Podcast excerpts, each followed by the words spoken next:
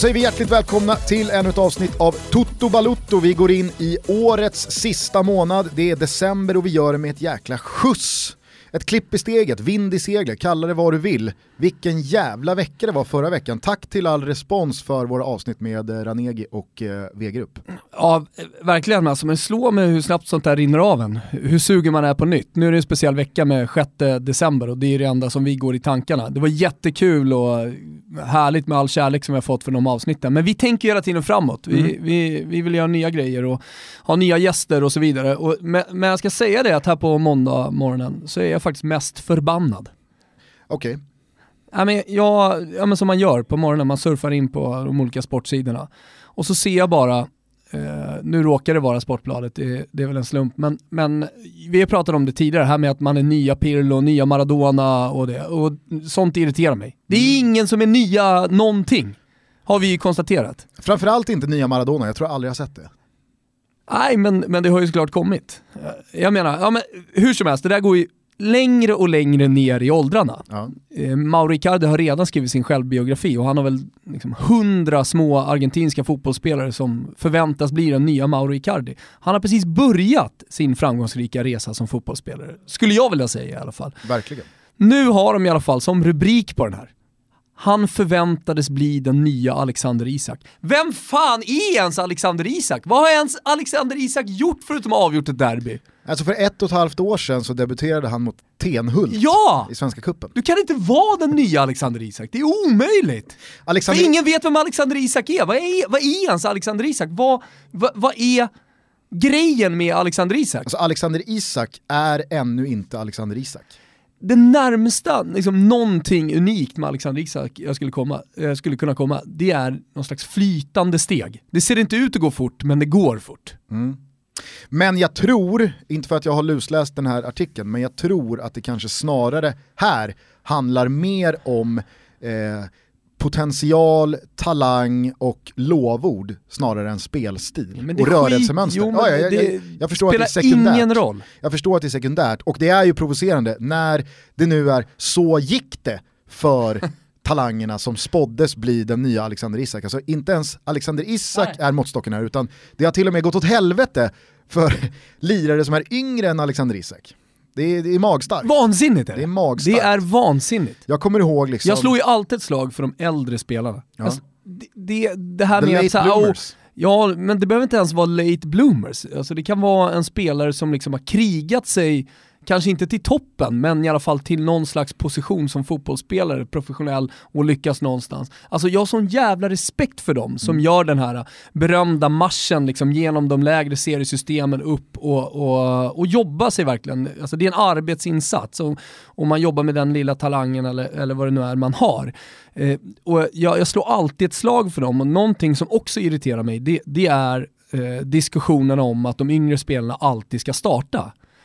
Ah men vadå, han är ju 22, det är bättre att satsa på de unga. Nej, det är det inte. Det är bättre att satsa på den bästa spelaren för dagen. Det är en startelva, du ska vinna matcherna. För man, det, det glömmer man också bort. 22 är inte Hela heller grejen med fotboll, hela grejen med fotboll, oavsett vilka eh, Uefa provkurser man går eller eh, liksom vilken talangutveckling du jobbar med. Hela grejen med fotboll, det är att vinna matcher. Ingenting annat. Alltså oavsett om du är sex bast och har precis börjat spela och kör en träningsturnering eh, turnering i Spångas eh, inomhushall, fyra grader. Och det är jättekul och föräldrarna är där och det, det är bra med utveckling och alltihopa. Men i grunden handlar det om att vinna matcherna. Så är det. Ja. Och det fattar alla. Absolut. Eh, kul också att du fick 22 år och låta lastgammalt. Starta inte med 22-åringen, starta med de unga. eh, ribban åldersmässigt... Nej, det var det jag menade. Ja, ja, men... Att han var den unga, 22-åringen. Jaha, Ja, okej. du Jag trodde du menade att starta med 22 Jag är så Nej, upprörd. starta med en unge. Eh, ribban eh, åldersmässigt höjs, eller i det här fallet då sjunker. Jag kommer ihåg för 10 år sedan när man själv var 18-19 bast, spelade division 2 och man började känna stressen. Men eh, då pekade folk på framförallt då Micke Nilsson eh, som hade gått den långa vägen från division 5 hela vägen upp till Halmstad, BK, landslaget, utlandsproffs. Att eh, det går även fast man inte startar i allsvenskan som 19-åring.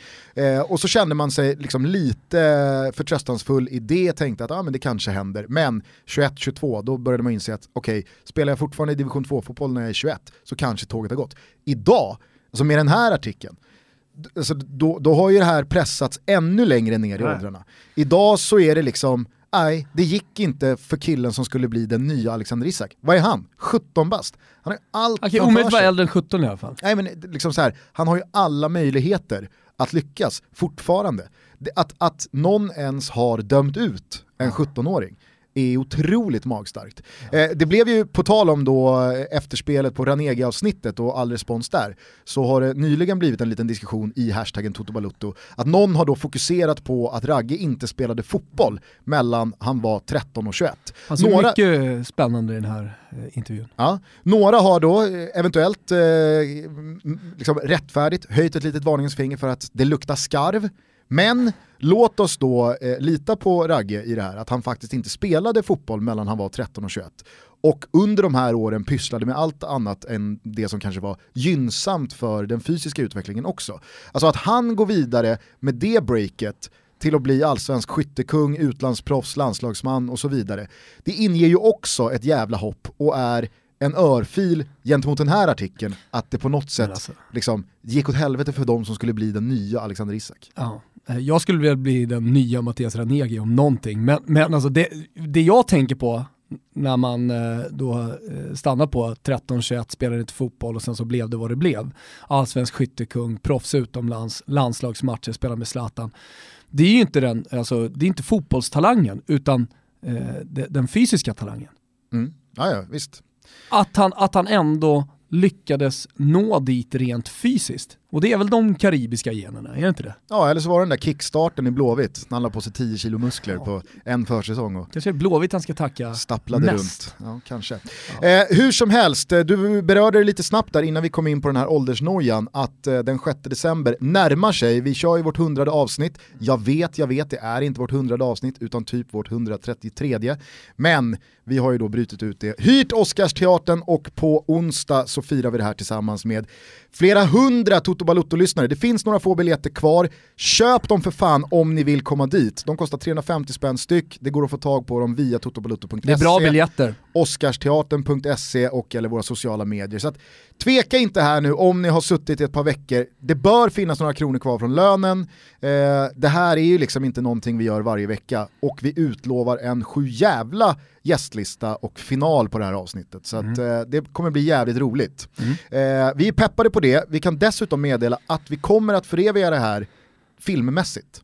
Ja exakt, vi har tagit hjälp av ett eh, produktionsbolag. Det var väldigt många som, som ville eh, se det här och eh, till slut så bestämde vi oss för att vika oss för, och det är framförallt för att det är så många som kommer från andra delar av landet än Stockholm. Eh, nu vet jag att vissa har tagit sig upp, alltså de kommer ju få en mycket större upplevelse. Eh, men eh, vi har hyrt in eh, dyrt ett tv-bolag så att vi kommer ju behöva sälja det här på ett eller annat sätt vad det lider och förhoppningsvis då inte gå så mycket back. Men vi vill verkligen föreviga det här för alla.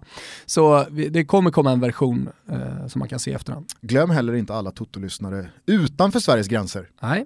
Var, var har vi dem? Nej, men det är fantastiskt att se folk skicka in bilder från eh, Italien, USA, mm. Australien, eh, Afrika. Alltså det är magiskt. Jag eh, råkar veta att det flyger in folk från Norge för att gå på vår show. Ja men det har jag också förstått. Mm. Ja, de har... Älskar Cash de har alltså. ja, ja, ja. Cash det, är ju de som, har. Det, är ju så, det är ju som att hooka en uh, tunnelbanebiljett till Stockholm för dem, ja. för dig och mig.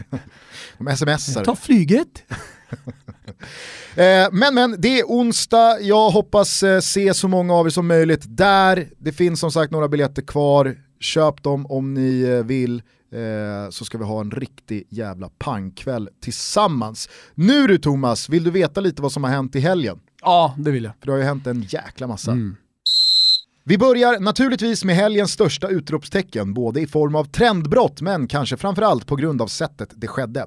Det är nämligen så att Benevento har tagit sin första poäng i Serie A någonsin, man gjorde det mot självaste Milan och festfixare blev ingen mindre än Alberto Brignoli. Jaha, tänker ni, vad är det som är så jävla speciellt med honom då?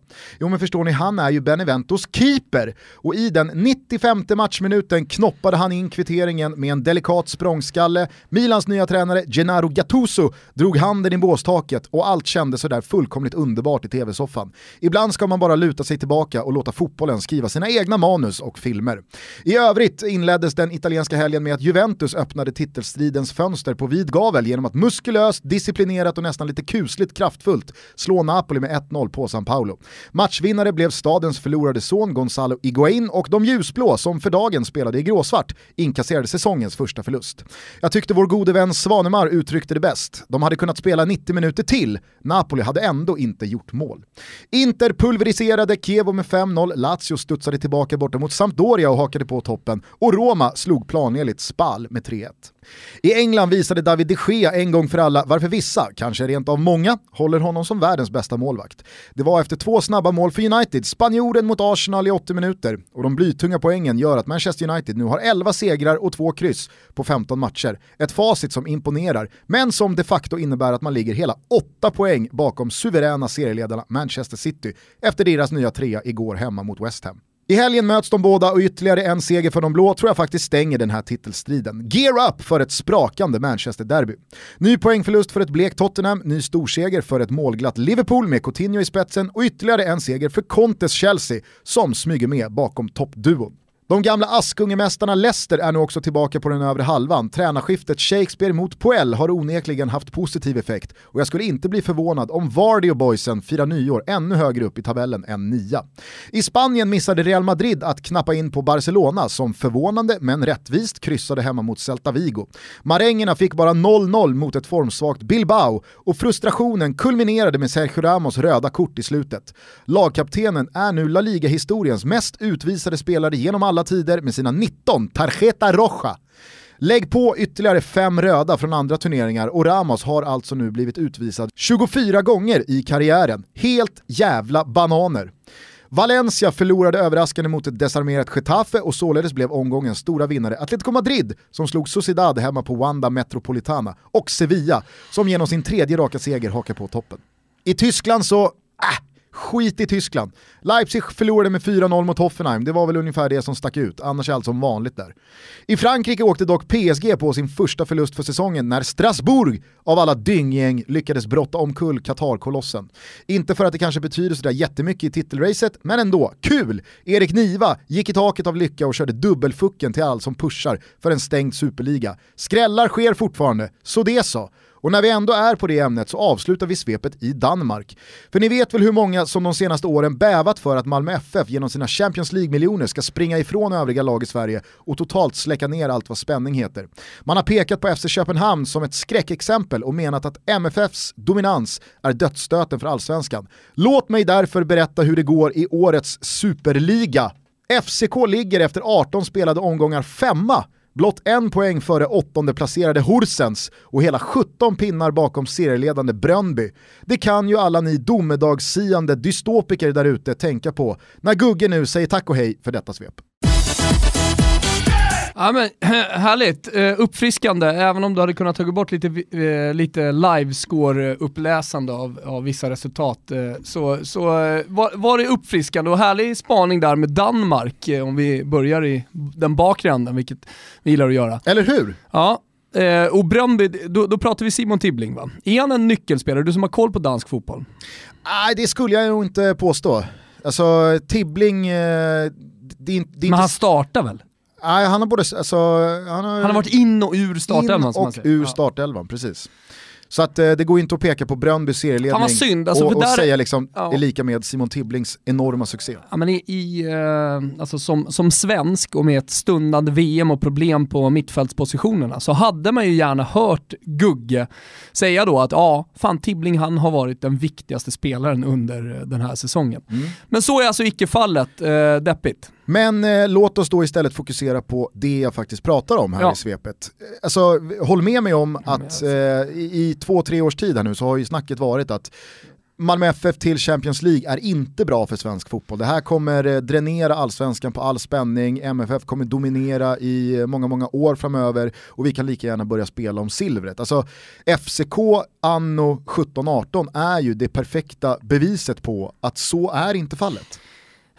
Alltså jag vet att det snacket har varit och framförallt så är ju det här med bra för svensk fotboll kopplat till ett lag eh, laddat med oerhört mycket eh, polemik eh, och kanske fram, framförallt eh, sociala medier. Alltså där, där blir det så en jävla pajkastning, vilket jag inte gillar. Så låt oss inte fokusera på det, låt oss istället stanna vid det här då att man är rädd för att Malmö FF bara ska gå ifrån och, vinna enkelt. På ett sätt så skulle man kunna säga att det har blivit så i och med att de nu vann ganska stort trots att eh, man under stora delar av säsongen kanske inte eh, spelar sin bästa fotboll som man kanske kommer, om man nu, om man blickar tre år framåt så kommer man förmodligen ha en säsong där man spelar bättre fotboll så att säga, vad det nu är, men jag tror folk fattar vad jag menar.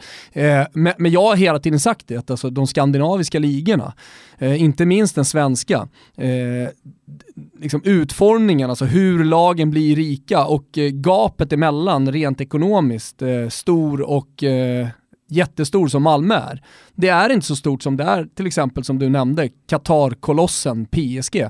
Alltså, de kan köpa sig till sån extrem spets så att det, det verkligen gör att de vinner varje ligatitel med något litet undantag någon gång när ett Leicester dyker upp, ett Monaco och så vidare. Eh, men i Sverige, vad är det som händer? Jo, man måste börja kolla åt spelare då som kanske hellre rent ekonomiskt eh, mår bäst i en europeisk klubb, en holländsk klubb eller en bottenklubb i Serie A, typ Samuel Armenteros. Visst, du kan behålla spelare typ Anders, eh, som, som vi har pratat om tidigare, Christiansen. Alltså, du kan behålla en sån spelare och ge honom en lön så han fortfarande känner sig motiverad och vill stanna kvar. Känner att jag fyller på bankkontot och jag har tid på mig. Det är också Men första inte gången så- det sker. Ja exakt, det är också första gången det sker. Men de lyckas ju uppenbarligen inte riktigt då svepa på talang, så som Bayern München gör i Sverige.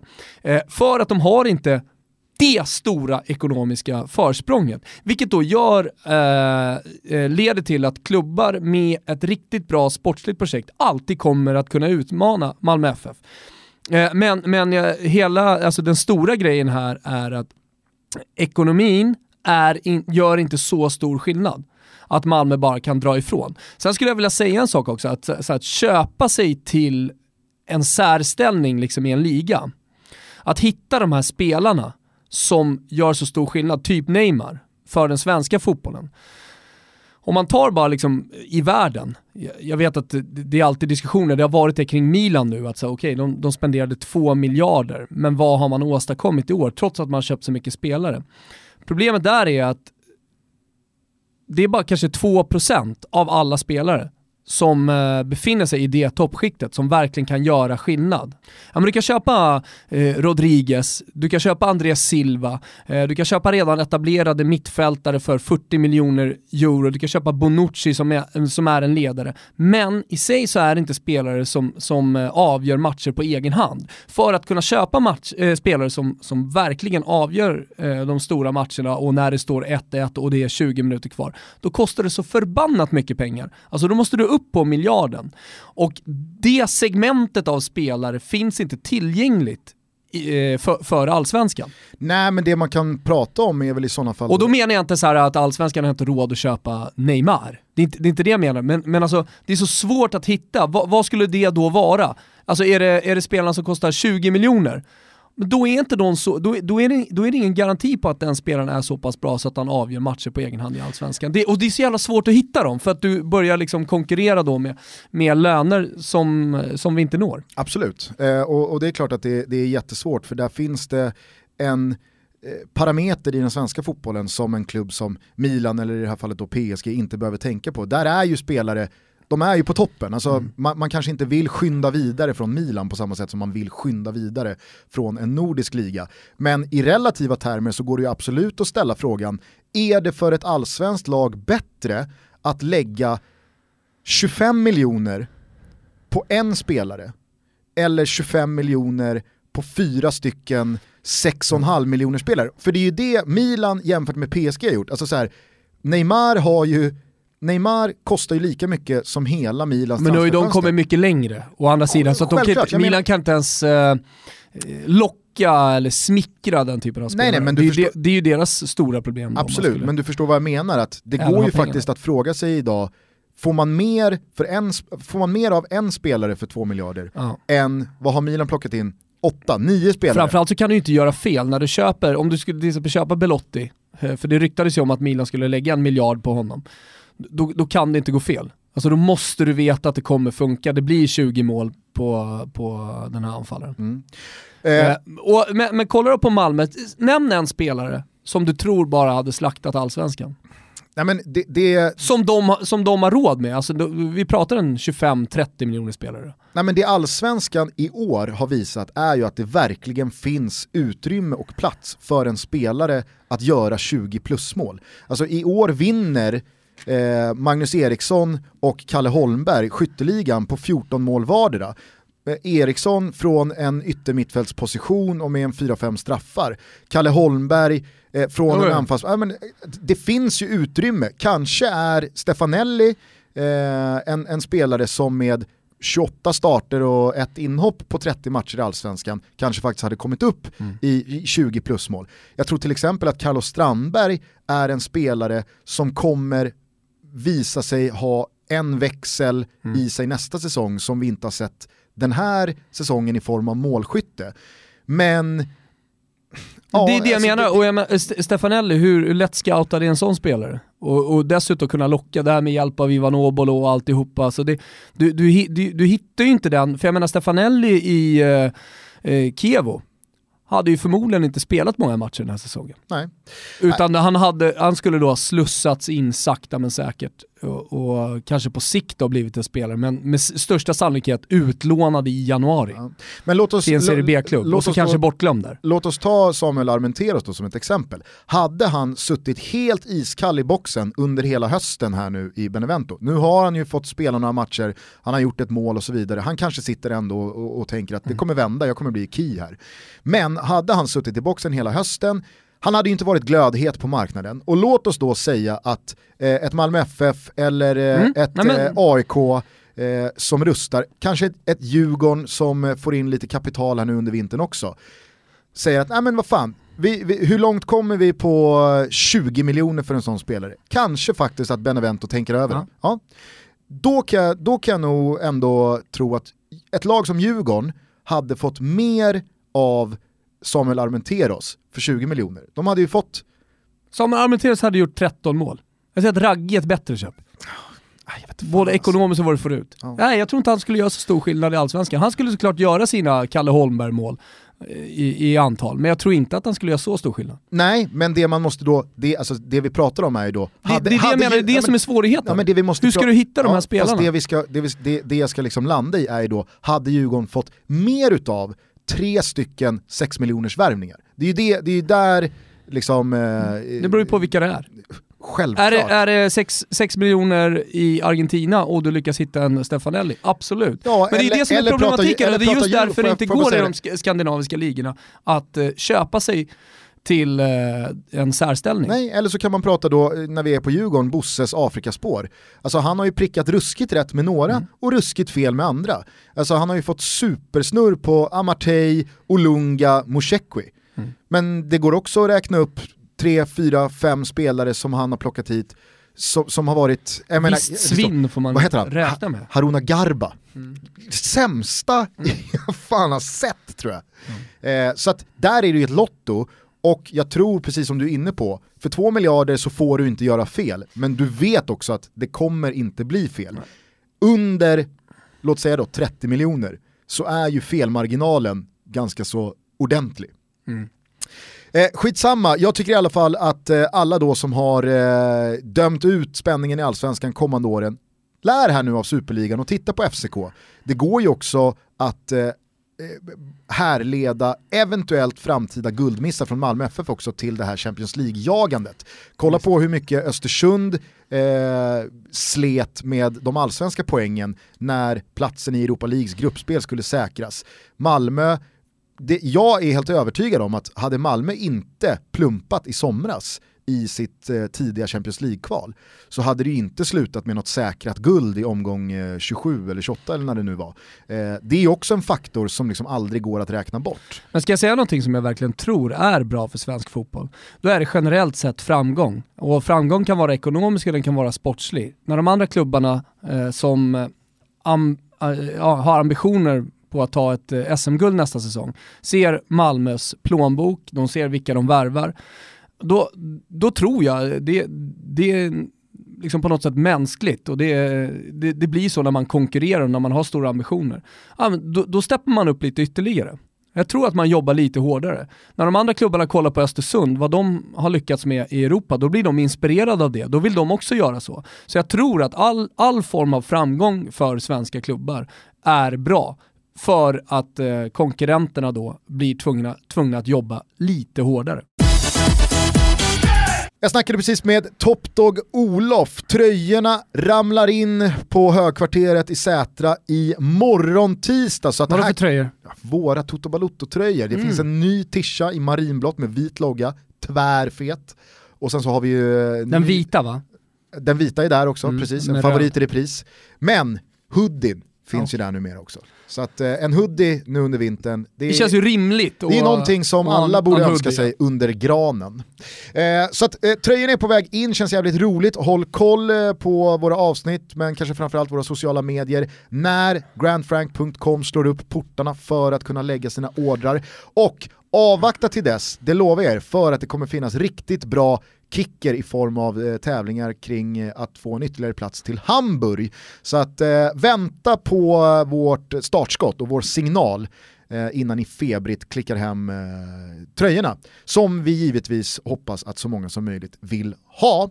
Eh, men eh, Olof hälsar också att eh, för alla stockholmare som har lust att svänga förbi Grand Franks pop-up butik på Haymarket på lördag så är det alltså 12 till 17.00 som gäller. Trendy. Markplan, Hötorget, fina priser. Eh, man gillar ju att stötta Grand Frank. Absolut. Så att... Eh, de kommer Top vara där eller? Top Dog kommer vara ah, där. Okay. Det är ju en anledning att åka dit. Med nariga och blodiga fingrar kommer han fortsätta slå in eh, toppkläder ah, i eh, fint eh, omslagspapper. Så att, eh, hej Market 12-17 för alla stockholmare som vill hälsa på Top Dog och Grand Franks pop-up butik. Och sen så väntar ni på signalen vad gäller grandfrank.com och våra nya feta tröjor. Vi vill med all önskvärd tydlighet men framförallt värme rekommendera våra polare Bagaren och Kocken. Under december månad så tycker jag verkligen att ni ska gå in på bagarenochkocken.se för att hitta de bästa julklapparna. Kanske inte bara till eh, dina nära och kära utan kanske framförallt till dig själv. Det finns ju mycket man kan gotta sig med i deras utbud. Ja, det är klart att det finns hur mycket som helst. Nu är jag en stor konsument på bagaren och kocken så det är lätt för mig att säga jag älskar att stå i köket och eh, jag, jag, älskar att ha liksom, de, de, senaste grejerna, de nya grejerna och så gillar jag att köpa det till bra pris. Och det gillar jag med bagaren och kocken. Går man in på deras hemsida till exempel här idag, vi spelar in det här på måndag, så ser man att det är 37% på global knivset. Eh, och en rad andra rabatter. Men det jag gillar bäst i dessa julklappstider, det är att gå in på våra bästa julklappstips. Och Det är ju någonting som alla behöver. Jag har ju en familj som har ångest över vad de ska köpa.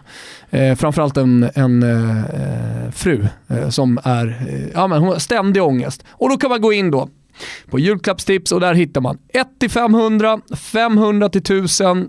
1000, 1000 till 1500, över 1500. Mm.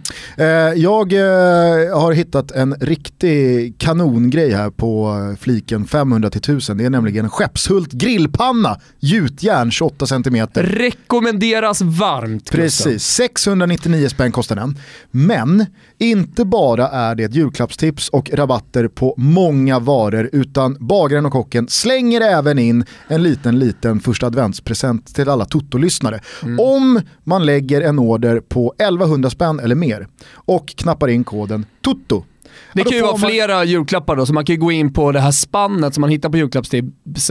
1 500 kronor, 500 1000 kronor och så vidare. Där kan man gå in då och, och köpa flera grejer. Mm, precis, om man då gör det eh, och klickar i en order på 1100 eller mer, ja, då får man med rabattkoden TOTO 200 spänn i ytterligare rabatt. Så att varför inte ett eh, bestick eller knivset eller då en gjutjärnspanna som man kan grilla på ett par riktigt bra köttbitar i nu när kylan har satt Sverige i eh, sina klor mm. och det inte längre går att grilla. Man ser ju några hjältar fortfarande grilla trots december månad. gjorde man ju här om veckan. Kol, då kolgrillade man ju en, en, riktigt bra köttbit. Men, men jag ska säga det, du nämnde den här uh, grillpannan. Det är ju någonting som man har otroligt mycket användning för. För det blir mycket roligare att få köttet med de här grillsträcken uh, och så värmer man på den rejält. Det vet jag att det, det ska ni göra när ni mm. grillar kött. In på bagaren och kocken.se, köp era julklappar både till nära och kära men också till er själva. Rabattkoden är TUTTO och den ger er 200 spänn ytterligare rabatt om köpet överstiger 1100 spänn. Puss till bagaren och en liten kram till kocken. Ciao! Det finns ju fler nedslag i, i svepet vi måste beröra lite längre. Mm. Alltså, Sergio Ramos tar sitt 19 röda kort i La Liga-historien, mest utvisad genom tiderna, 24 totalt i karriären. Alltså du vet ju hur många råskinn som har avslutat sina karriärer och liksom så här aldrig har blivit utvisad. Eh, ett eh, klassiskt exempel är ju Robbie Savage, eh, gamla Blackburn eh, och Glasgow Rangers mittfälten som spelade fotboll eh, som eh, en, en dåre stundtals, men alltså aldrig blev utvisad. Just nu snurrar en reklamfilm på tv med Alexander Östlund, också av många säkert uppfattad som en spelare som aldrig la någonting emellan, gick in stenhårt i, i, i närkamperna, eh, berättar också, aldrig ett enda rött kort. Sergio Ramos har 24 röda kort. Har Alexander Östlund inte ett rött kort? Inte ett rött kort. Det är intressant. Robbie Savage, inte ett rött kort. Ja, Ja, men håll med mig, alltså, 24 röda kort är ju i jämförelse med dem, med spelare som kanske har haft, eh, jag menar, Diego Costa, han hade ju aldrig fått ett rött kort fram tills ganska nyligen. Ja. Och det är en spelare Det var ju som... många som tyckte det var fel dock. Han jo, borde ha haft fler. Det går väl att argumentera för att han kanske borde ha haft det. Men hade han haft två eller tre eller fyra ja. så är det fortfarande 20 röda löv mm. kvar till Sergio Ramos nivå. Hur ser topplistan sjukt. ut då historiskt? Jag, jag, vet, jag vet, inte, jag tillskansade okay. mig bara informationen om att eh, Ramos nu är La Liga-historiens mest Vito Knesevic högt upp på den eller? Där kan jag också tänka mig så här, ja, slaktaren från Knivsta va? Eh, nej, det är Gösta som är från Knivsta. Vad fan var Vito Knesevic? Det är bara att det låter som han är från Knivsta. Vito Knesevic. ja, men vad fan var han kallade Slaktaren från... Skitsamma, Vito ja. Knesevic i alla fall, skruvdobbar på en decimeter, eh, riktig, riktigt råskinn i Djurgården. Det, det man vet också, slipade skruvdobbar. Herregud, Djurgården 80-tal, Vito Knesevic. Han kan jag också tänka mig ha så här, två röda kort i karriären, max. Uh Sergio Ramos har 24 röda kort. Uh Det ska ju inte gå. Uh och vad kan han ha kvar? Fem år på högsta nivå? Det brukar dessutom vara en sån här grej när man pratar om de bästa mittbackarna i världen, oavsett om det är historiskt eller just nu, så, så ligger det lite eh, en spelare i fatet att de tar eh, eh, kort och röda kort. Att man, att man eh, dels då utsätter laget för fara, frisparkar i, i farliga lägen. Eh, det var ju det som till exempel gjorde både Maldini och eh, Alessandro Nesta till så stora spelare att de var eleganter och, och sällan då eh, hade ner spelare utanför straffområdet. De var smarta i de lägena och mm. såg till att det inte går på för hårt just på den sista tredjedelen. Sen kunde det smälla lite högre upp i banan. Ja, men det, jag, jag vidhåller fortfarande att 24 röda kort, om du börjar jämföra med övriga mm. spelare på den här nivån som har spelat ungefär lika många säsonger, så är det, är det, det är helt otroliga siffror. Ja. Och jag tror som sagt att han har fem säsonger kvar. Va, vad stannar karln på? 35 röda kort? Har fem säsonger kvar, Sergio Ramos? Tror du inte det? Ja, det kanske han har.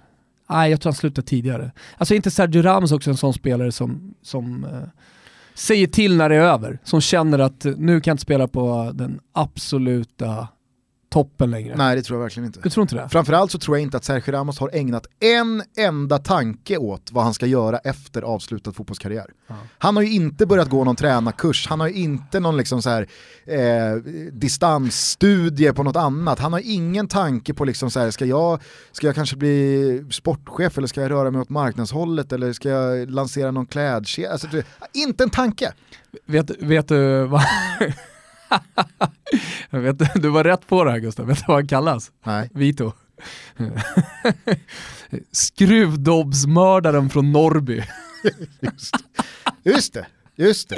Nu har han ju fått konkurrens här va, i Claim to Fame med Norby ja. i och med att de eh, höll sig kvar i, i superettan här nu och, och, gör sin andra raka säsong i elitfotbollen. Ja. Men skruvdobbsmördaren från Norby, Vito Knesevic. Eh, har, du, har du någon siffra han på Han spelar många... fortfarande i Djurgårds veteranlag. Har du någon siffra på hur många röda kort han har? Nej, finns, uh, finns ingen siffra. Men ja. det har skrivits en del texter, jag tror Offside har någon längre text med honom. Bland annat, men uh, man kan inte, jag, jag, tror ändå att det finns en del röda. Ja, Även om det var ett brittiskt klimat, uh, domarklimat i Sverige på 80-talet. Låt oss därför vända oss till våra fantastiska lyssnare. Skicka in i hashtaggen Toto både spelare som har exceptionellt många röda kort, eh, som eh, flåsar Sergio Ramos i, i nacken. Mm. Men också spelare som borde ha många röda kort, men som alltså inte har blivit ut, utvisad speciellt många gånger. Och är det någon som har en exceptionellt bra historia också, någon, mejla till totobalutta.gmail.com. En sån här, det är ju Sir Bobby Charlton. Du vet vad grejen är med han? Han vann eh, VM-guld med England. Dels gjorde han det. han ledde England till ett VM-guld. Ja, dels gjorde han det. Men... Han har inga kort Exakt, han har aldrig ens blivit varnad. Nej.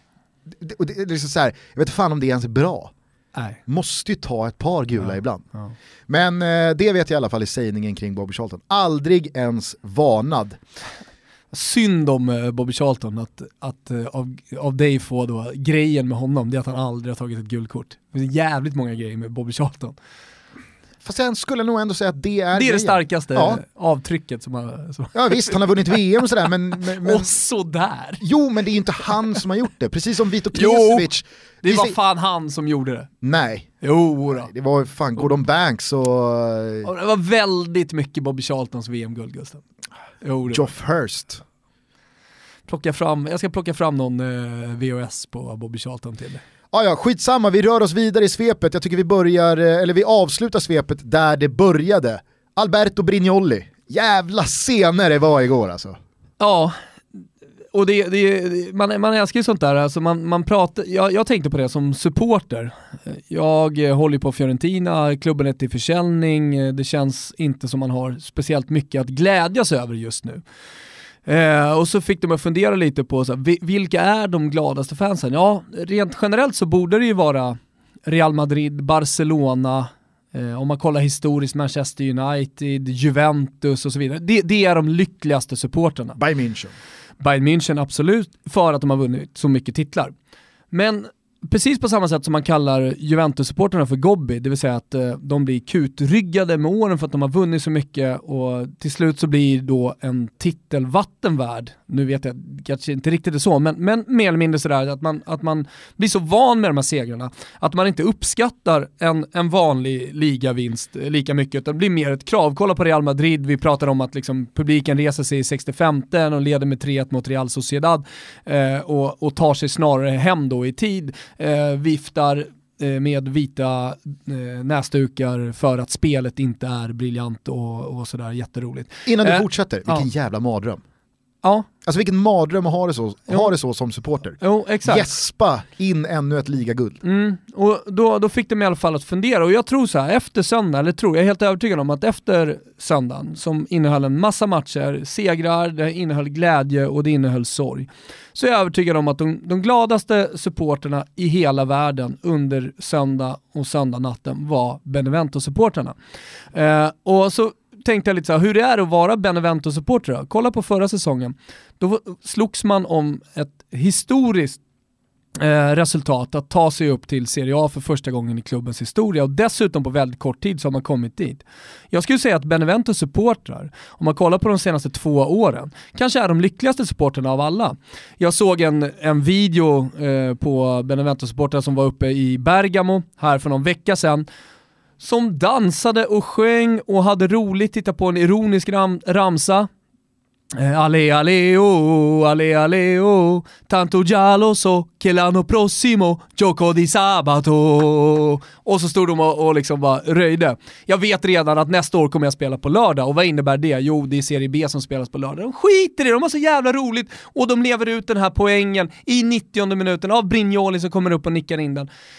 Och det ger i alla fall mig något slags perspektiv på supporterskap. Liksom. Eh, bayern supporterna som festa och hade roligt. Visst, det var inte rent sportsligt resultatmässigt ett superår för Hammarby. Det var mycket som gick emot. Men jag skulle ändå säga att de låg topp fem av de gladaste supporterna förra året. För de har så jävla kul när de går på fotboll. Är du med? Ja, jag är med. Eh... Och jag tror också att Benevento-supportrarna, ifall de hade fått välja, okej, okay, efter 15 omgångar mm. så kommer ni ha 14 förluster och ett kryss, men där er målvakt knoppar in 2-2 mot Milan i 95 minuten. Eller efter 15 omgångar så kommer ni ha 10 förluster och 5 kryss. Ni har kryssat mot Kiev och Cagliari och Spal. Alltså då, då väljer du ju 14 förluster och krysset mot Milan med målvakten som knoppar in kvitteringen ja, det, i 95. Det, det, är en svår hypotes såklart att leva sig in i, för alla vill ju vara kvar i Serie A, det vill säkert Benevento-supporterna alltså, någonstans eller, också. Eller, eller jag ja, kommer ihåg ett gammalt offside-reportage om St. Pauli, mm. eh, liksom klubb nummer två i ja. Hamburg. Jo, alla vet vilka St. Pauli är. Kanske inte. Jo. Toto Balotto är en inkluderande podd. Och det här är ju ett eh, lag som ibland, låt säga, vad skulle du säga, en gång eh, per decennium så är man uppe i Bundesliga. Sen drattar man ur. Och då eh, så kommer jag ihåg att det här reportaget pratade då med en barägare precis utanför arenan. Mm. Och han sa ju det att jag föredrar mycket hellre att ligga i eh, Zweite och vara ett topplag och att vi vinner, låt säga 7, 8, 9 hemmamatcher av våra 16 än att vi går upp i Bundesliga och blir ett strykgäng och det blir sämre stämning, det blir idel torskar, man vet att det, liksom, det blir en 2, 3, 4, 5, 6, 7 tusen mindre på matcherna för att det är torsk, alltså det, det, det är torsk på beställning. Ja. Sen kan jag tänka mig också att... Eh, och den aspekten mm, finns ju också. Mm, ja, absolut, sen kan jag tänka mig att här, en, en kanske svåraste lagen att vara supporter till är mittenlagen, oavsett vilken liga det handlar om. Alltså de som aldrig har riktigt chansen att ta sig upp till, eh, eller ta sig upp en serie. Eller de som ligger då i mittenskiktet. Jag tänkte på Odinese eh, igår också. Så här, hur, hur lyckliga är de supporterna? Så de, de, har liksom ingenting riktigt att tävla om. De är inte i bottenstriden ja, på fullt allvar. Vi bollade, de är upp, inte... vi bollade ju upp Udinese eh, för något halvår sedan när vi pratade om USP-fria lag. Ja. Alltså, och de är dessutom USP-fria. Ja, Sen nu har de fått en USP i Sverige i och med att Ragge var här. Ja, kanske, men i det USP-fria så ingår ju, alltså det spelar ju över även på supporterskapet. Alltså du får, du får inte känna pulsen. Du får inte känna pulsen neråt, du får inte känna pulsen uppåt. Nej. Utan det är liksom bara så här, jaha. Ja, men det, det, det är svårt att motivera eh, den här extrema glädjen. Ja, verkligen. Verkligen. Eh, men jag, jag, är helt övertygad om att eh, vissa lags supportrar och vissa klubbar föredrar nog att ligga i en serie lägre och vara ett topplag och vinna och känna framgång snarare än att gå upp och bli strykpåse. Jag minns när vi med Bele Barkarby nådde en andra plats i division 3. Mycket division 2 och 3 här idag Gusten. Du Nej, börjar toucha på Rönningens veteraner. Nej, alltså, det är långt kvar dit. Nej, jag ihåg Där finns det ändå en edge. Som nykomlingar i division 3 så landade vi en andra plats och skulle kvala upp till division 2. Ja. Torskar i förlängning i andra mötet borta mot Eskilstuna. Och alltså, går då inte upp i division 2. Och alltså, du vet, den lättnaden i vårt omklädningsrum efteråt. Alla bara tittade på varandra och, och log och bara, fan vad skönt. Fan vad skönt att inte springa upp i tvåan och bli ett riktigt strykgäng nästa år. Åka liksom långa bortamatcher, hela helgerna förstörs, av att få den i tjollan med 4-0 varje gång. Äh, då var det, det, det var mycket precis, skönare var, att stanna i trean. Ja, men det var ju det som hände med Karlberg också, det var ju en helt svår sits där man visste att Karlberg hade inte råd att gå upp i, i norrettan samtidigt som eh, de spelade för klubbens eh, del en historisk match, eller historiska två matcher mot, mot Luleå. Mm. Eh, Men där tror jag det mer handlade om det ekonomiska än det sportsliga. Där handlade det om det ekonomiska som också i slutändan blir sportsligt. Jo, absolut. Eh, men i vårt fall då var det mest kvalitetsmässigt att vi har ju inte tvåan att göra. Och det är ju roligare att spela division 3 och vinna 80% av matcherna än att åka och få stryk Ja men det tror jag många, framförallt i de lägre serierna har känt. Vad tror du händer med Brignoli nu? Är han liksom klar? Han är ju, som du skrev på Twitter, han behöver aldrig pröjsa en nota i Benevento Eller hur? någonsin. igen. Eller hur? Alltså det, ja, det målet gör ju honom till eh, ett intervjuobjekt om 15 år i någon lokal blaska, eller till och med i La Gazzetta dello Sport. Alltså när vi pratar om Raggio di Luna, Selmosson som eh, gjorde mål och inte firade när han hade bytt Roma för Lazio. Eh, Eh. så, så, och, och fortfarande då nämns. Alltså det här målet är ju en sån här, eh, ja, men en, ett legendariskt mål som alltid kommer att minnas såklart i, i hela fotbollsvärlden, inte minst Italien. Superproducent Kim Wirsén kan lägga in en liten fanfar här, för nu firar Raggio di Luna 20-gångs jubileum här i podden.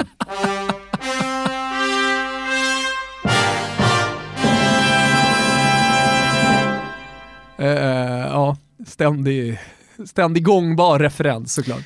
Ska vi bara kolla på andra änden av det här, eller andra sidan av det här myntet. Alltså det här var ju såklart, precis som vi spådde lite för en vecka sedan, värsta tänkbara starten för Gattuso.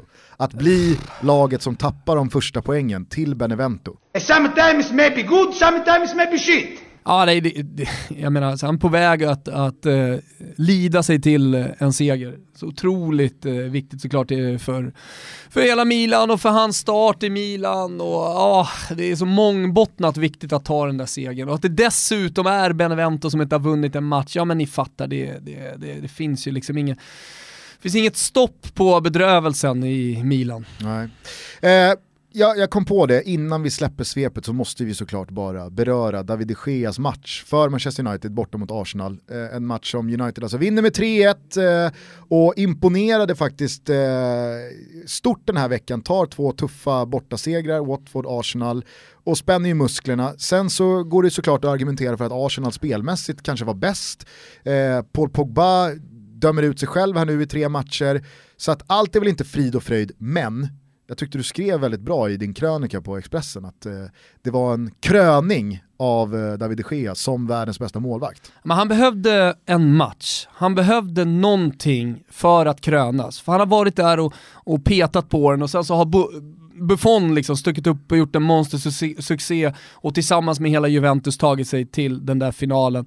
Eh, och han hela tiden har varit någon slags central ledare i laget och också eh, självklart har stått för fantastiska prestationer på men planen. Men menar så har så här, man haft det sker- Courtois i Chelsea Ja. som vinner ligan, Ja. Oblak har Men- spikat igen i Atletico Madrid, Perfekt. Neuer är Neuer. Eh, De Gea behövde en match där han slog något jävla rekord, där han gjorde någonting så han stack ut jämfört med alla andra. men också en sån här match, för det funkar ju inte mot Basel i Exakt! Champions League. Det, det är ju, så är det ju alltid, alltså precis som vi pratade om tidigare, det är svårt att köpa liksom, den, den absoluta toppen liksom, för att komma dit. Eh, då, då måste du ha gjort vissa grejer för att vara den där spelaren som kostar över en miljard. Alltså i det, i det här fallet så måste det ju ske i en stor match. Precis. Och som det skedde, äh, det var fan otroligt att se eh, de Geas räddningar på, eh, äh, men det, var, det var ju liksom omöjliga lägen efter vartannat som han bara, äh, han bommade igen. Ja. Levande vägg. Mm. Äh, fantastiskt att se alltså. Kul att se United spänna musklerna, för det tycker jag de verkligen gör. Men som jag också var inne på, alltså City har, jag tror att de blev det tredje laget någonsin här nu, att under en och samma ligasäsong ta 13 raka segrar. Eh, jag skulle vilja påstå att med Chelsea borta avklarat, den matchen vann ju eh, City, så är ju nu United borta i Manchester-derbyt i helgen ja, men det känns verkligen som den matchen emot att tangera Arsenals invincible-säsong. Ja men jag håller med. Det är, det tuff, det är den tuffaste lite. prövningen som är kvar. Mm. Ja men det stämmer. Vinner man den matchen, Eller kryssa. det är väl redan över. Eh, jo, eller kryssar. Men, men, men ändå, skulle man vinna den matchen, då tror jag att man bara, alltså, då, då flyter man nog bara på. Alltså, det, det, det Ja, jag, jag går ju inte ens, problemet är ju också, eller problemet, för de andra lagen är ett problem, är ju att det finns spelare på bänken som Pep Guardiola, det har vi snackat om i podden, men, men det tåls att tas upp igen när vi pratar om Manchester City. Eh, där Pep Guardiola, som är en av hans storhet som tränare, lyckas motivera, trots att de inte spelar så mycket. Eh, jag är alltid fascinerad av rotationer. Eh, och, och där är ju eh, tränare olika bra på att hantera det.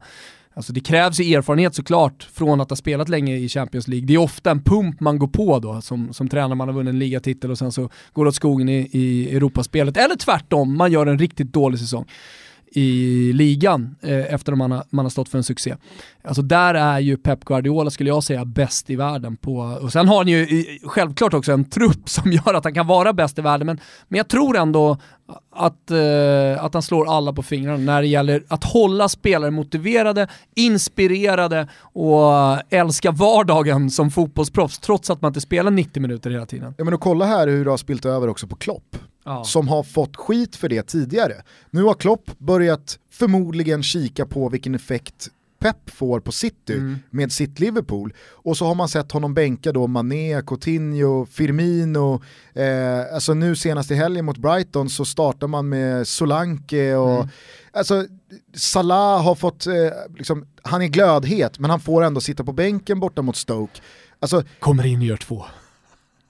Precis, men jag Sjukt. tror att liksom, jag, jag, jag, jag satt och kollade på Manchester City mot West Ham igår med min tjej och så dyker Pep Guardiola upp i bild och sen så eh, frågar Rebecca någonting om honom och så säger jag liksom så här, för att hon vill alltid, hon vill alltid veta grejen med eh, tränare eller spelare. Va, men vad är grejen med, med honom då? Och då sa jag bara liksom, jag, det kom från höften, att nej men Pep Guardiola, han är liksom han är den som pushar gränserna för fotboll. Han är en pionjär, han testar och experimenterar för att hela tiden återuppfinna både sig själv och fotbollen och visa att så här kan man också göra. Och från tiki-takan och sättet att spela fotboll till eh, formationsförändringar under matcher, till positionsförändringar eh, på spelare, både rent eh, över en säsong men också i matcher. Individuellt. Ja. Individuellt, så är han ju nu liksom så här, nu så känns det som att den här rotationen är hans sätt att återigen då förnya fotbollen och visa alla andra managers att det här måste ni göra för att annars kommer ni inte hänga med mig. Det jag tror med Jürgen Klopp, det är att han är den tränaren bakom eh, Pep Guardiola som har störst potential att bli den eh, coachen som har möjlighet att få sina spelare som inte lirar lika mycket att ändå vara eh, motiverade när det väl händer och vara på, på toppen av sin förmåga trots att man är bänkad och inte gnälla och, och hålla ihop omklädningsrummet. Eh, för för det, det, det, märkte man ju till exempel med Ancelotti, han verkar ha tappat det där Alltså, han, har ju tappat, han har ju tappat Bayern Münchens omklädningsrum, det vet vi ju. Men jag menar, han verkar ha tappat den förmågan. Mm. Jag vet inte om det har att göra med att han hamnar i fel grupp eller att han själv liksom inte har det du säger, alltså förnyat sig som tränare, utan han, han, han fortsätter på, på gamla hjulspår, att det inte funkar längre. Men, men jag, jag, jag har en känsla för Jürgen Klopp att han kan bli en sån tränare som lyckas med att ha en, en, en uh, stor stjärntrupp och ändå få alla att vara motiverade. Ja, jag tror i alla fall att om eh, City lyckas uh, hålla förlustnollan intakt efter helgens Manchester-derby, ja då hänger nog fan Arsenals Invincible-säsong uh, pyrt till. Det tror jag. Lystring, lystring. Nu är det verkligen dags att spetsa öronen, för i samband med avsnitt 100 som kommer gå av stapeln på Oscarsteatern onsdag den 6 december så har vi tillsammans med våra bästa polare på Betsson satt ihop en special Toto-trippel och det är inte vilken kicker som helst den här gången. Nej, en sak är ju trippen som man faktiskt eh, ska nämna, vi tror väldigt mycket på. Mm. Ska jag dra den kort? Ja, vi kan, vi kan, väl börja med det. Ja. Och det är i matchen mellan Liverpool och... Spartak Moskva, den mm. är ju direkt avgörande. Liverpool behöver vinna för att säkra gruppsegen. Spartak, de måste vinna för att eh, avancera. Så det finns ju verkligen allt att spela för för båda lagen. Således så tror vi på att det kommer smälla i den här matchen. Mm. Över 3,5 kort mm, Dubbel bemärkelse smälla. Det kommer även smälla i näten. Precis, vi tror nämligen att Liverpool kommer avgå med segern. Vi tror att man vinner med två mål minst. Och vi tror ju att hela höstens bästa spelare i det här laget, Mohamed Salah, gör minst ett av de många, många mål som vi förmodar att Liverpool gör. Så att Liverpool, Spartak Moskva, Liverpool vinner med minst två mål, Mohamed Salah gör mål i matchen och det blir över 3,5 kort. Oddset är 4,25, insatsen är 148 kronor. Ni screenshotar det här och skickar in i hashtaggen Tototrippen. Då är ni med och tävlar. Och nu Thomas berättar du vad som ligger i potten utöver Dineros. Vi ska till Leeds. Ja, vi ska åka och hälsa på Ponne. Vi, vi har faktiskt kollat, eh, vi har funderat, eh, vad är drömresan? Vart vill vi åka med eh, några trogna lyssnare någonstans? Och vi har då skannat av Europa, alla möjliga olika matcher, men vi landar på att vi vill åka och hälsa på Pontus Jansson i Leeds och se en match med, eh, med Leeds. Då.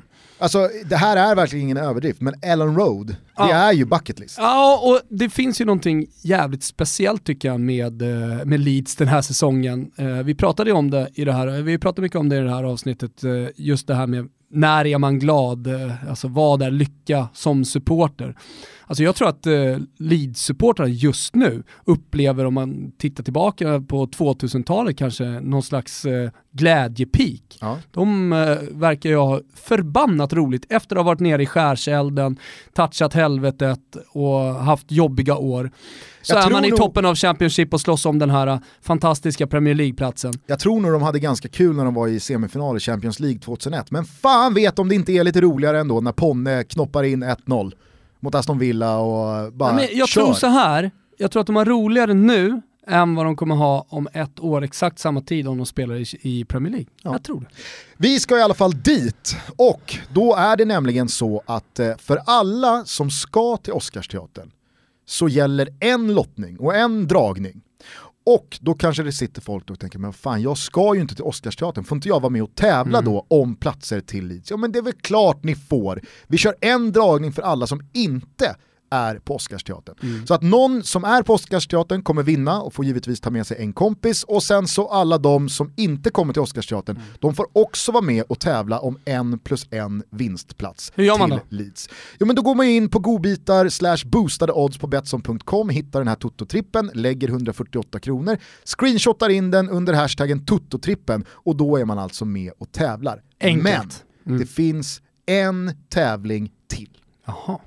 Det här är ju en resa som man såklart har vill ha Raoul slagits eller? Alltså Raoul verkar ha käkat samma medicin som Top Dog Olof. Han har eh, fullständigt spårat ur. Jultomtarna. Ja, han har öppnat upp för två platser till på den här resan. Och den eh, segern riktar sig då till alla som är på plats på Oscarsteatern. Mm. Där ska vi nämligen köra ett målskyttsspel. Det är ju Champions League-kväll, det är en Champions League-onsdag. Således så ska alla som vill vara med och tävla ha ett målskyttsspel i Champions League under onsdagskvällen placerat på Betsson med en minsta insats på 50 kronor.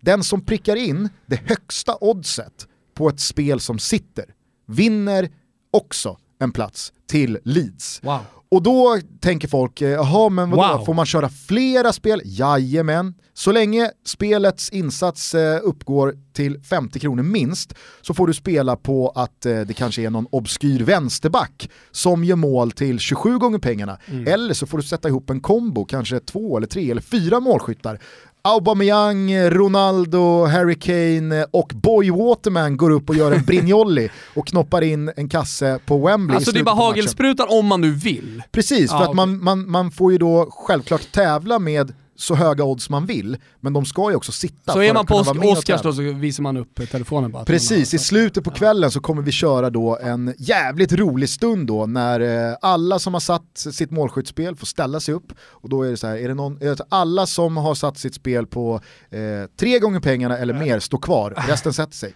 Fyra gånger pengarna ja. sätter ner, fem gånger pengarna sätter ner. Så till slut så kommer vi ha någon som står kvar och visar upp ett spel på ah, kanske tresiffrigt. Ja. Det vore jävligt mäktigt i alla fall. Men alla ni som inte kan komma in och rygga godbitar, boostade odds, Betsson.com, så har ni möjlighet att få följa med oss till Leeds och hälsa på Pony! Pony! Hörrni, det går ju eh, såklart inte att eh, fly undan elefanten i rummet eh, i världsfotbollen de senaste dagarna. Lottningen till VM nästa sommar är ju avklarad. Jag tror ingen som lyssnar på den här podden har missat att Sverige hamnar i en grupp tillsammans med Mexiko, Tyskland och Sydkorea. Spontan känsla kring gruppen? Alltså, så spontan känsla när du säger det är att jag redan har lagt grupplottningen till handlingarna och just nu inte tänker på det överhuvudtaget. Ja, men du satt jag är ändå... rätt in i klubbfotbollen igen. Ja, jag, jag vet. Men det här är ju ändå... Jo, men det får, du, får- jag förstår vad jag menar, jag, har- jag har inte på näthinnan. Även fast det skedde i fredags, och Ja. nu sitter vi här på måndagen. Jag, har- jag har liksom redan lagt det till handlingarna för det är så långt kvar till VM. Vilket ringar in lite essensen av Toto Balutto. Eh, Kanske, ja, att vi är en aktuell podd, Ja. ständigt. Nej men, Men det här är ju en sån stor grej. Jo, jo jag vet, det är klart eh, vi ska kommentera det, men, men, eh, det var ändå intressant att, att eh, jag trodde att du skulle säga någonting annat när Ja. du sa elefanten i rummet. Jag, jag vet inte hur mycket elefant i rummet det är heller. Eh, Okej, vi fick Mexiko, aha. Vi fick Sydkorea, vi fick Tyskland. Tufft, möjligt. Alltså oavsett, om vi inte hade fått liksom någon sån här mardrömsgrupp eller någon extremt lätt grupp, så är det väl alltid så i VM. Du får något tufft lag, det är aldrig lätt att ta sig vidare från gruppen. Alltså Mexiko hamnar i, i någon slags eh, skikt precis bakom de allra bästa, sen exakt var man placerar dem eh, i, i ordningen liksom av lag som ändå kan utmana, det vet jag inte. Eh, det, det är ju som alla känner till, jag sa det i våran sändning på Expressen, att Mexiko är lite som Porto i Champions League. Alltså de tar sig alltid vidare, men det blir oftast inte mycket mer än det. Alltså det är Exakt. en åttondelsfinal, max en Väl- kvartsfinal sådär. Väl i slutspelet så är de en munsbit för de andra. Inte en munsbit, de gör ändå bra matcher. Men, Porto men, är ju det. Jo, Porto är en munsbit. de, de, de, de kommer inte så långt i alla fall. Alltså det, det är inte en kandidat till att vinna, de kommer aldrig vinna något VM-guld, men de tar sig alltid vidare från gruppen. Precis som att Porto med undantaget med Mourinho eh, är ett lag som alltid kommer ställa till i gruppspelet, oftast kommer gå vidare, men därefter så tar det stopp. Mm. Och så är det lite med Mexiko också. Och eh, därför, därför, jag vet inte, jag, jag, jag har inga direkt så här, starka känslor till det mexikanska landslaget. Det är vad det är, när vi möter dem så ska vi såklart ta dem. Sen är ju Sydkorea så luriga, Mm. eller hur? Och Verkligen. jag menar, det går ju att kolla på kvalet och se att så här, fan, de, de fick slita mot ganska dåliga landslag att ta sig vidare, men jag tror att Sverige hade slitit mot dem också om jag ska vara helt ärlig. Ehm, och sen så vet jag inte hur väl liksom, de snabba tekniska sydkoreanerna kommer att passa Sverige. Gnuggar man en knäskada på Hyung Min Son här nu under Ja, våren? Det gör man ju alltid. Alltså, man älskar ju att gnugga knäskador. Inte alltid.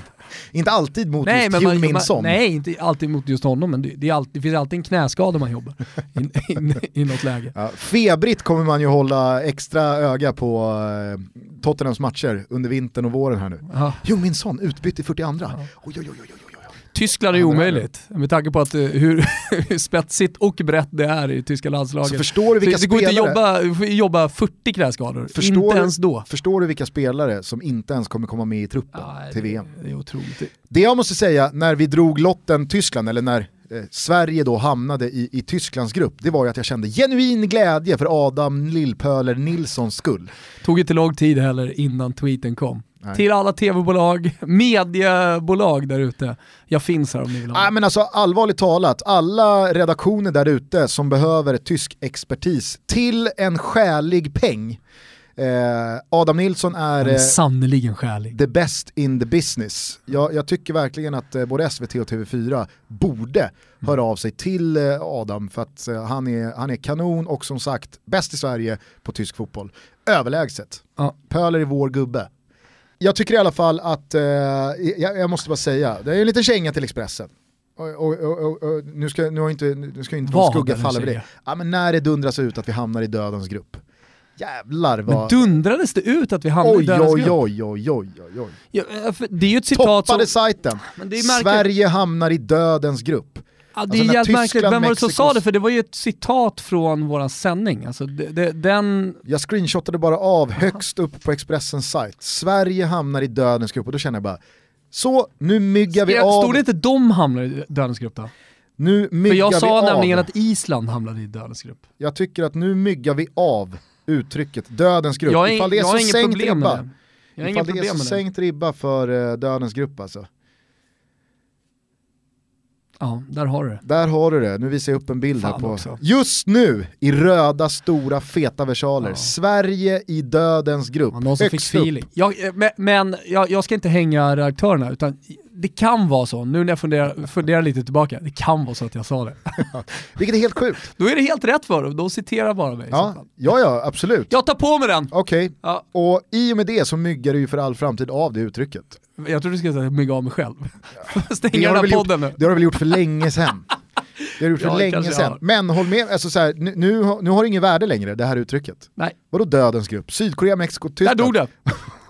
Vad, vad är då inte dödens grupp? Fy fan alltså. Ja. Eh, men, jag måste bara komma in på det. Jag, jag, jag tänker inte peka några finger eller ens liksom så spekulera i huruvida någonting är riggat eller inte i och med att det aldrig går att eh, bevisa det eller få någon slags bäring i det. Men det är ju trist.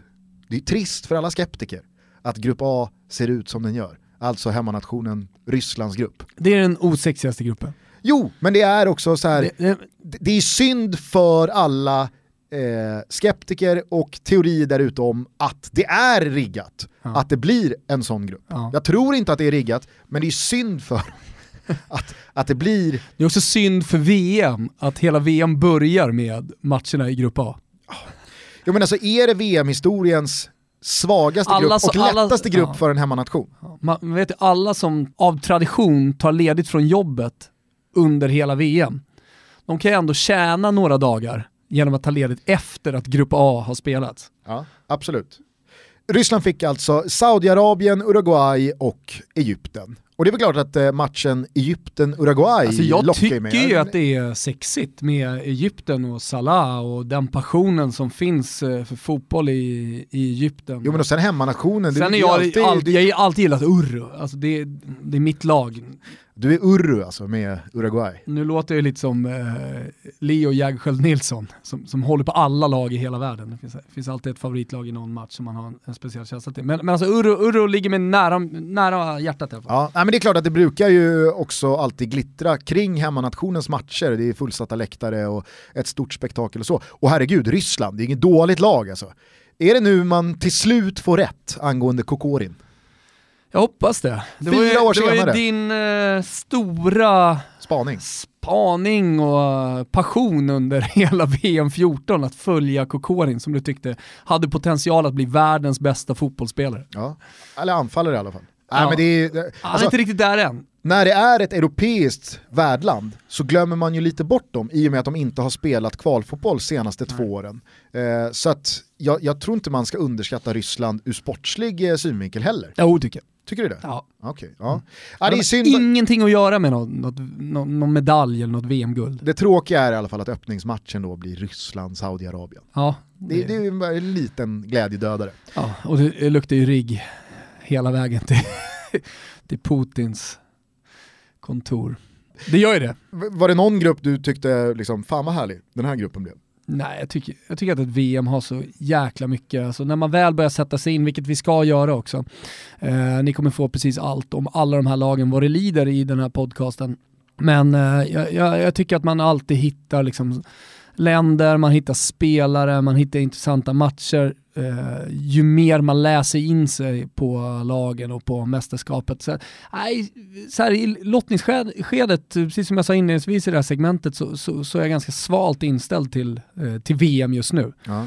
Utan det får komma, för att, för att man vet ju att det kommer vara en sån otrolig känslomässig peak när VM väl startar, även om det är i Ryssland. Eh, och det kommer vara så även i Qatar också, det är jag helt övertygad om.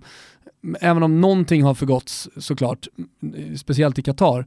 Men eh, när man väl kommer dit så går man in i den här VM-bubblan och eh, man släpper liksom allting annat. Och jag kan, jag, det gäller allting som jag gör, jag kan liksom inte lägga 20% av min passion och tycka att det, det här är så jäkla kul. Utan jag, måste, jag måste lägga 100% och så pytsar jag ut 100% på matcher och på eh, saker. Så när lottningen var, då var jag 100% eh, med i den här lottningen. Jag tyckte det var skitkul. Mm. Men eh, nu tänker jag inte på det. Gruppspelets överlägset enligt mig tvärfetaste match är ju i alla fall Spanien-Portugal. Mm. Det, blir, alltså, det, är en, det är en sån här match jag redan har tänkt på. Jag tycker jag är ganska sval. Okej. Ja, ja, kul med VM-lottning i alla fall eh, och precis som Thomas sa så kommer vi sätta tänderna ordentligt i VM vad det lider här eh, under vintern och våren. Eh, Var inte oroliga. Avslutningsvis eh, i detta måndagsavsnitt så skulle jag vilja fråga ifall du har hängt med i vad eh, de olika förbunden eh, röstade igenom här i fredags helt vad gäller svensk division 2 och division 3-fotboll. Det har varit lite tema det här. Är du tillbaka där Ja. igen? Nej, men det, det, här är faktiskt, det här är faktiskt big. Okej. Det här är faktiskt någonting som angår Ja. eh, alla. Okej, nej jag har fokuserat på uh, toppfotbollen. Okej.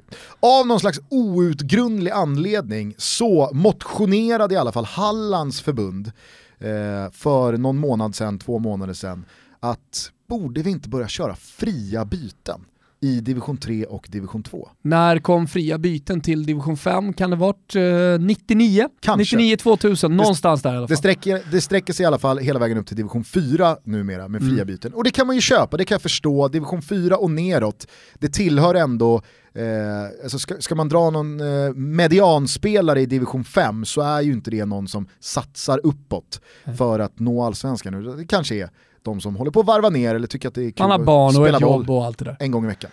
Hur som helst, Halland får någon slags eh, kollaps och föreslår det här hela vägen upp då till division 2. Skåne är de enda som liksom börjar eh, dra igång saftblandaren och vifta med stora varningsflaggen att nej, nej, nej, nej, nej, vad fan menar ni? Vadå fria byten hela vägen upp i division 2? Det, det, det är ju olika sporter. Ja. Och eh, ska vi fostra division 3 och division 2-spelare med fria byten?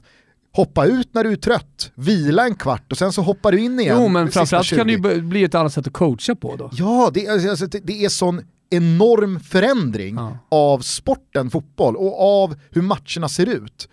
Att vad är det för jävla sätt att skola, men resten av Sverige du vet, röstar igenom det. Jaha. Så att från och med 2018 nästa säsong så har den här motionen trätt i kraft och hela vägen upp i division 2 ska vi alltså nu köra fria byten. Alltså det, det, det är så, det är så uruselt. Alltså lika uruselt eh, som jag också tycker att det är, lika mycket skit jag fullständigt i det. Fast nu har ju du bara fått för att nu, nu, nu är jag bara negativt Nej, inställd men- till allt jag säger i slutet på det här avsnittet. Nej. Eller likgiltig. Nej, absolut inte. Men det är fortfarande division 2 vi pratar om. Ja, precis. Östersund spelade i division 2 för sex år sedan. Jo, men vi pratar inte om Östersunds division 2-säsong Nej, men vi pratar om att Sveriges Och- olika distriktsförbund Jag har röstat igenom en sån i grunden stor förändring av sporten. Häll grytan på dem Gusten så får du ditt sagt. Jajamensan, fet gulasch till alla utom skåningarna. Fan att ni inte fick med er fler alltså. Fria byten, det är det värsta jag hört. värsta jag hört. Kom här nu, du, du verkar trött. Du får hoppa in igen om en kvart. Bumper! Hörni, eh, det var det hela. Det var det hela. Nu släcker vi ner det här avsnittet. Återigen puss och tack till alla som har hört av sig med fina ord om våra senaste gästavsnitt med Mattias Renegi och Jennifer Wegerup. Det har varit otroligt. Framförallt, fler kommer. Exakt! Toto Balotto har bara börjat. Så är det, det är ju några som har varit Ja, lite ser- nojiga så här. är det här någon slags peak? Vi, vi, har, vi har inte ens, alltså vi, vi är i vår linda så mycket man kan vara i sin linda. Du twittrade ut ett, eh, inte så litet humble brag igår Ja. om våra siffror och sådär. Och då var det någon som sa, Egentligen det här låter jag- som ett avslut. Ja men vet du vad, egentligen så skiter jag i, i siffrorna. Jag är så jävla glad att folk hör av sig, att folk tycker det här är roligt. Framförallt då folk som har mått dåligt där Toto Balutto har varit eh, en kompis och en hjälpande hand när man, varit, ja, när man inte har mått speciellt bra. Och det, det är väldigt många som har mejlat till oss eh, och det gör mig så förbannat glad. Så alla, alla, alla, alla, alla, vi får inte så mycket skit, men den skiten liksom som ändå har kommit, den, den, den bara, den, den rör mig till ryggen. Du, du är likgiltig inför den också. Otroligt likgiltigt. Ja.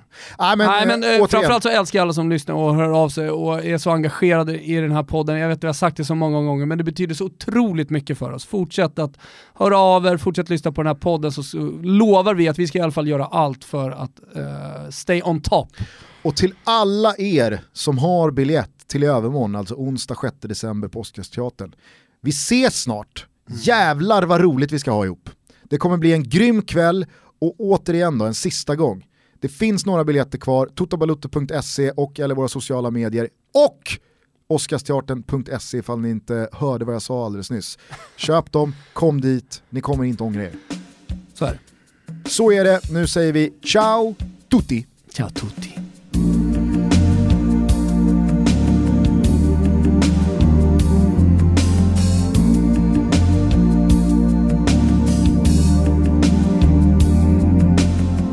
Seen you looking so lovely as you did tonight. I've never seen you shine so bright. Mm-hmm. I've never seen so many men ask you if you wanted to dance.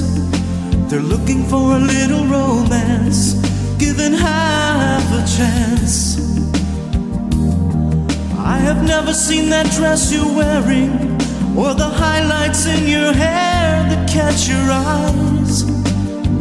I have been blind, the lady in red is dancing with me, cheek to cheek. There's nobody here. It's just you and me. It's where I wanna be, but I hardly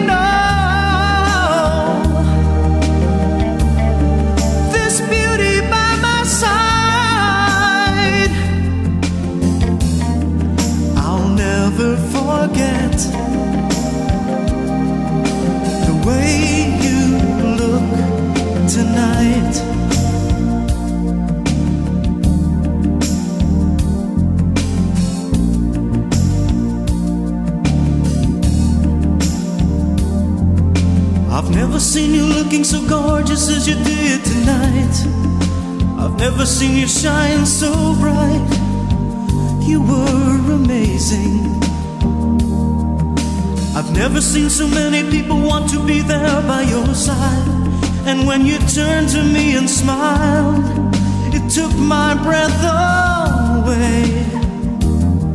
I have never had such a feeling, such a feeling of complete and utter love as I do tonight.